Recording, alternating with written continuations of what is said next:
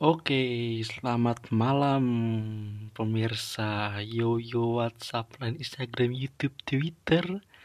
Di mana pun kalian berada, welcome back to Baca Satu Podcast. Yo.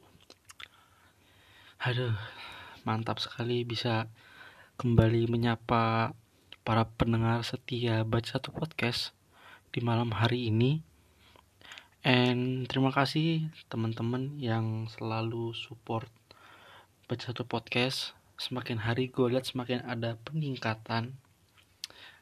Ya mantap lah, gue suka nih. Terus dengerin, follow, share ke teman-teman kalian, oke? Okay? Gila-gila, nggak bosan-bosan nih gue buat podcast nih. Jadi kreatif kan gue di rumah aja. Mengisi waktu luang dengan kegiatan yang positif. Oke, jadi di ngomong-ngomong yang positif-positif nih, gue hari ini baca satu podcast bakal membawakan sesuatu yang sangat-sangat positif dan sangat-sangat bermanfaat buat kalian semua. Hari ini kita bakal bahas yang positif, positif, positif. Hmm, positif apa nih yang positif ya? Hmm, yang positifnya ini kita bakal ngambil tema yang menurut gua ini uh, masih gimana ya agak tema-tema tragis tema-tema tentang kesehatan juga tentang uh, jiwa kita tentang psikis kita tentang tubuh kita juga. Jadi di malam hari ini baca satu podcast bakal membawakan segmen tentang self injury. Oke. okay self injury atau biasanya bisa disebut gangguan psikologis menyakiti diri sendiri. Ya, mungkin kalau istilah anak muda yang kenal cutting tangan pakai pakai silet. Nah, itu dah. Tapi ini kalau di istilah kesehatan namanya self injury, oke? Okay? Atau self apa ya? self harm gitu ya, pokoknya. Oke, okay, jadi di sini gue bakal ngasih tau nih beberapa informasi tentang self injury ini sendiri. Jadi abis ini gue bakal bacain uh, informasi dari sebuah artikel mengenai self injury. Semoga dengan gue membahasakan artikel ini uh, teman-teman semua bisa ngerti lah apa itu self injury. Terus ya apa aja sih yang ada di dalam self injury ini tuh apa? Tentang gangguan psikologis menyakiti diri sendiri itu apa? Kita yang mungkin yang baru teman-teman yang cuma tahu kayak self injury itu kayak lo cutting tangan pakai silet kaca ya gitu gitulah kayak melukai diri sendiri lah kayak misalnya kayak bunuh diri sih. Oke. Okay. jadi di sini aku bakal bacain dulu beberapa informasi seputar self injury. Oke okay, langsung aja ya Self-injury dapat berupa tindakan melukai tubuh dengan benda tajam atau benda tumpul, seperti menyayat atau membakar kulit, memukul tembok, membenturkan kepala, dan mencabuti rambut. Hmm, serem ya, mencabuti rambut ya. Penderita self-injury juga dapat dengan sengaja menelan sesuatu yang berbahaya, seperti cairan deterjen atau obat nyamuk, bahkan menyuntikkan racun ke dalam tubuh beberapa alasan seseorang menyakiti diri sendiri. Self-injury dilakukan untuk melampiaskan atau mengatasi emosi berlebih yang tengah dihadapi, misalnya stres, marah, cemas, benci pada diri sendiri, sedih, kesepian, putus asa, mati rasa, atau rasa bersalah. Nah, bisa juga sebagai cara untuk mengalihkan perhatian dari pikiran yang mengganggu. Namun, Beberapa ciri berikut mungkin menandakan seseorang memiliki kecenderungan untuk menyakiti diri sendiri.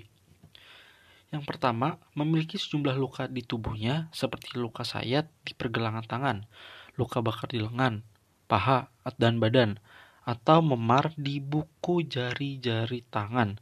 Umumnya, mereka akan menyembunyikan luka tersebut dan akan menghindar bila ditanya apa penyebabnya. Yang kedua, memper, memper, memperlihatkan gejala depresi seperti suasana hati yang buruk, sering merasa sedih, menangis, dan tidak memiliki motivasi dalam hidup. Yang ketiga, sulit bersosialisasi baik di lingkungan rumah, sekolah maupun tempat kerja dan masyarakat lah. Mereka juga lebih suka menyendiri atau enggan berbicara dengan orang lain. Yang keempat, cenderung tidak percaya diri atau menyalahkan diri sendiri atas masalah apa pun yang terjadi. Yang kelima, sering mengenakan pakaian yang menutupi seluruh tubuh untuk menyembunyikan luka. Oke lanjut, selain menjalani terapi dan pengobatan di atas, orang yang memiliki tendensi untuk menyakiti diri sendiri juga disarankan untuk tidak menyendiri, carilah dukungan sosial dan psikologis dari teman, keluarga, atau kerabat dekat. Menyingkirkan benda-benda tajam, zat kimia, atau obat-obatan yang bisa digunakan untuk melukai diri sendiri. Bergabung dengan kegiatan-kegiatan positif, misalnya klub olahraga atau fotografi mendalami hobi seperti bermain musik atau melukis guna membantu mengekspresikan emosi dengan cara yang positif. Menghindari konsumsi minuman keras dan narkoba, mengalihkan perhatian ketika ada keinginan untuk melakukan self-injury, rutin berolahraga, mencukupi waktu tidur dan istirahat, serta mengonsumsi makanan yang bergizi dan seimbang. Oke okay guys, jadi itu uh, sedikit informasi mengenai self injury atau gangguan psikologis menyakiti diri sendiri. Oke, oke. Jadi gue bakal bahas santai aja karena ini me, apa ya memasuki uh, udah masuki tubuh jiwa raga ya karena gini uh, tadi gue udah bacain Self injury berupa tindakan melukai tubuh dengan benda tajam dan atau benda tumpul. Nah, seperti menyayat atau membakar kulit, memukul tembok, membenturkan kepala dan mencabuti rambut. Kayak sini gila ya. Kayak uh, biasanya kalau menurut gua orang yang melakukan self injury ini tahu sakit misalnya menyayat tangannya sakit tapi ya udah karena dia bodoh amat jadi mungkin gak kerasa sakit gitu. Mungkin awalnya sakit tapi ya udah dia bodoh amat sampai garis di tangannya ini banyak bekas luka silet. Kayak mencabut rambut kayak ih sakit lu. Lu coba dah. Lu cabut uh, bulu ketek lu. Paling pedih-pedih ya lu cabut bulu kaki lu dah dicabut misalnya. Nggak sengaja nih temen lu iseng atau pacar lu iseng cabut bulu kaki sakit. Gue pernah dicabut bulu kaki gue nih. Set, iseng. Wow sakit. Pedih-pedih gitu dah. Nah di sini nih sebenarnya kadang uh, gimana ya hal-hal yang terduga tuh kayak lu mukul mukul mukul tembok lu buang-buang apa ya kalau buang-buang buku atau buang-buang barang sih enggak. Karena itu kalau menurutku kan karena uh, melampiaskan emosi jadinya lu buang benda mati. Tapi di sini kita berbicara tentang melukai tubuh. Kayak membenturkan kepala tonjok-tonjok tangan. Gue pernah kesel tonjok tangan ke tembok. Ya mungkin kadang-kadang sekali sakit tapi kalau misalnya gue tonjok dua kali udah bodo amat gitu. Oke beda dengan lu. Misalnya lu marah. Misalnya lu marah nih di marah diputusin atau lu marah sama ortu lu atau lu galau kan tapi lu melampiaskannya ke bareng-bareng kayak lu banting handphone lu nih tes. Dan lu misalnya buang-buang buku lu lu kaca-kaca kamar lu kayak itu beda. Kalau menurut gue beda karena itu nggak melukai diri sendiri tapi lu malah merepotkan diri lu sendiri buat beresin itu nanti oke. Okay? nah tadi di sini juga di bilang berbagai alasan seseorang menyakiti diri sendiri. Ya biasalah yang biasanya stres marah cemas benci sedih kesepian galau kan habis diputusin atau kesel. Dan itulah menurut gue kayak memang dalam keadaan seperti ini tuh susah buat tenang. Jujur gue pernah mengalami ya diputusin pernah lah. Uh, kesel sama orang tua mungkin ada yang pernah gue juga kadang pernah kesel sama orang tua kesel sama temen kesel sama lingkungan sekitar yang nggak bisa buat hati dan pikiran kita tenang. Jadi hati dan pikiran kita itu terpisah. Oke punya dimensinya masing-masing dan ya udah. Ketika hati dan pikiran kita nggak sinkron nggak bersatu ya udah. Nggak selaras jadinya kita jadi kita diem kita murung kita marah. Kayak ibaratkan otak lu dibakar yang di film SpongeBob. Yang katanya kertas-kertas dibakar itu tuh. Dan sebenarnya kalau misalnya gue bisa menang sebenarnya nggak salah sih. Lu misalnya gimana ya lu lagi stres terus tiba-tiba lu kesel dan lu mukul tangan lu. Ya nggak? Kalau gue lu nyilat sebenarnya kalau menurut menurut menurut gue itu kayak ya benar melampiaskan emosi tapi nggak gitu juga gitu ya. Nggak melakukan hal bodoh mending lu mending lu kalau lagi marah teriak daripada lu harus nyilet. Mending lu kalau marah uh, kempesin bola basket. Daripada lu harus nonjok nonjok kepala lu atau tangan lu jadi sehingga luka. Itu sih kalau menurut gue istilahnya gini lebih baik lu melampiaskan ke benda mati daripada lu menyukai diri sendiri. Sekarang gini kalau misalnya lu lagi galau gara-gara misalnya pacar lu selingkuh dan lu banting HP HP-nya banting HP ke lantai nih otomatis rusak misalnya. Tek rusak. Daripada lu galau diselingkuhin terus lu putus tapi lu apa? Nyilet lu tonjok tonjok tiba-tiba kalau tonjok apa? Memar. Oke nggak? Yang biasanya nonjok tangan. Memar. Bikin apa bikin sakit.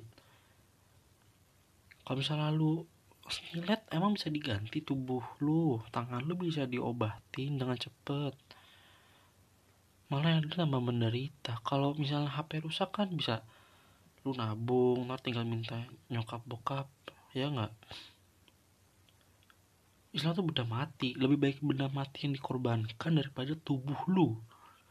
Yang kalau tubuh lu dikorbankan bisa merusak psikis lu bisa merusak pikiran lu bisa merusak jiwa raga lu hati lu. Itu nggak baik sih kalau menurut gue dan uh, ya tadi gue bilang juga di sini beberapa ciri yang menandakan seseorang memiliki kecenderungan untuk menyakiti diri sendiri ya benar. Memiliki sejumlah luka memperlihatkan gejala depresi. Ya mungkin depresinya lu diem kan sini apa ya mem memperlihatkan depresi seperti suasana hati yang buruk sering merasa sedih nah kan jadinya kan dia merenung dia diem di kelas. Eh lu kenapa boy? Eh, lu kenapa girl? Ya nggak?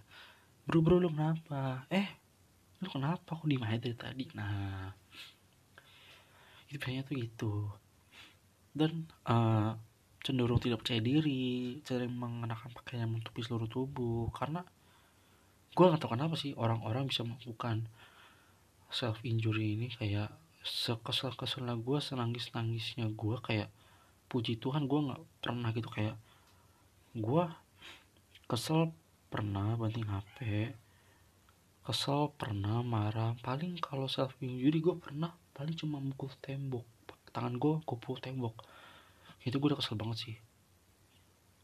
Ya nggak? Paling ya kalau kesel banget apa banting pintu. Tapi kalau gue self injury sendiri pengalaman pribadi gue gue paling kesel itu gue cuma pukul tembok. Nah.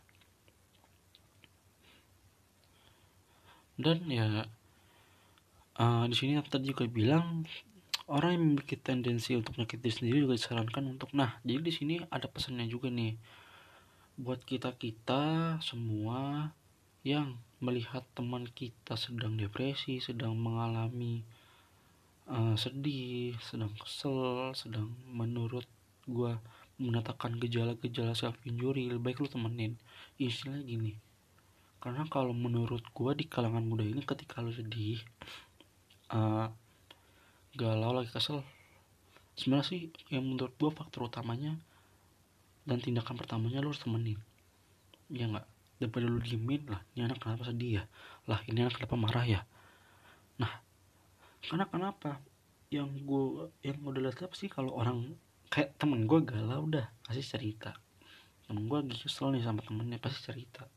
Ya enggak beruntung kalau misalnya udah kesel berlebihan ntar malah ribut. Nah tapi lebih baik ya menurut gue ditemenin.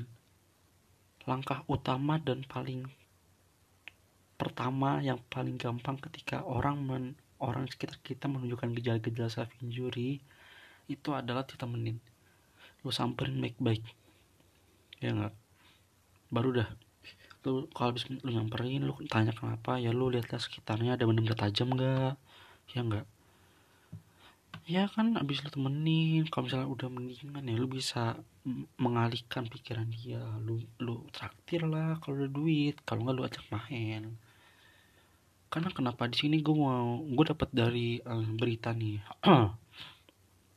Data WHO setiap 40 detik seseorang di dunia bunuh diri. Nah gila bunuh diri. Self injury yang udah paling parah bunuh diri cuy.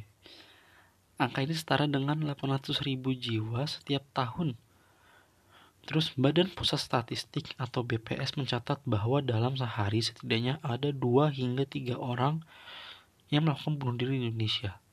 2 sampai 3 orang melakukan bunuh diri di Indonesia. Tuh. Data WHO terbaru menyatakan bahwa jumlah kematian akibat bunuh diri di Indonesia mencapai 10.000 jiwa per tahun. Dari tahun ke tahun menurut WHO angka bunuh diri di dunia khususnya di Indonesia mengalami peningkatan yang signifikan. Oh, nobody knows. Apalagi ya, gue baru kepikiran sekarang buat bunuh diri dikaitkan dengan pandemi virus corona. Karena kenapa? Gini deh. Kadang-kadang oke okay lah gini yang nyata yang real yang sudah ada di berita. Orang miskin semakin miskin karena virus corona. Orang kaya banyak yang gimana ya? Gue bukan apa gue beberapa hari yang lalu baca eh bukan baca nonton seleb nonton gosip dan ya ya banyak artis yang nggak dapat job ya nggak dapat job karena apa? Virus corona. Terus pemasukan dari mana? Ya nggak? Itu real TV pada bilang ya harus sampai jualan ini jualan ini. Ya nggak? Jadi bisa dibilang kayak ya sekarang kayak ya lu mau makan dari mana gitu ya nggak dapet duit. Ya udah aku mati aja nah nggak ada yang tahu manusia tuh kayak gimana. Makanya kan ya puji Tuhannya ya pemerintah mengalurkan apa sembako. Melakukan sosialisasi kan sembako ke orang-orang yang kurang mampu lah coba kalau misalnya gini dah. Aduh misalnya sok keluarga. Aduh udah bingung makan apa. Udahlah mati aja bareng-bareng. Lah kan kalian tahu. Orang udah nggak ada duit hidup sendiri. Ah gimana? Gue nggak ada pemasukan gue udah jual-jual semuanya. Udah gue mati aja lah. Nggak ada yang tahu. Makanya pentingnya sosialisasi itu penting. Pentingnya sosialisasi itu penting. Pokoknya sosialisasi itu penting.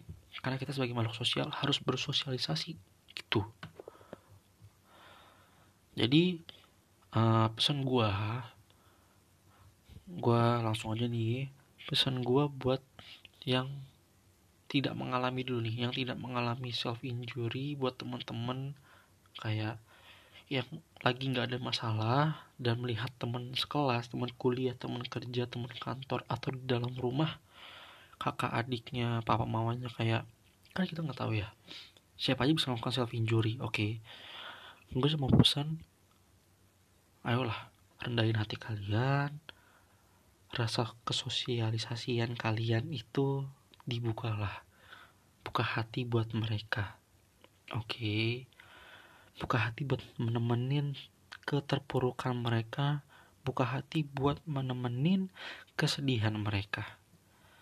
Karena dari hal yang kecil aja bisa berubah jadi hal yang besar dan positif. Gitu.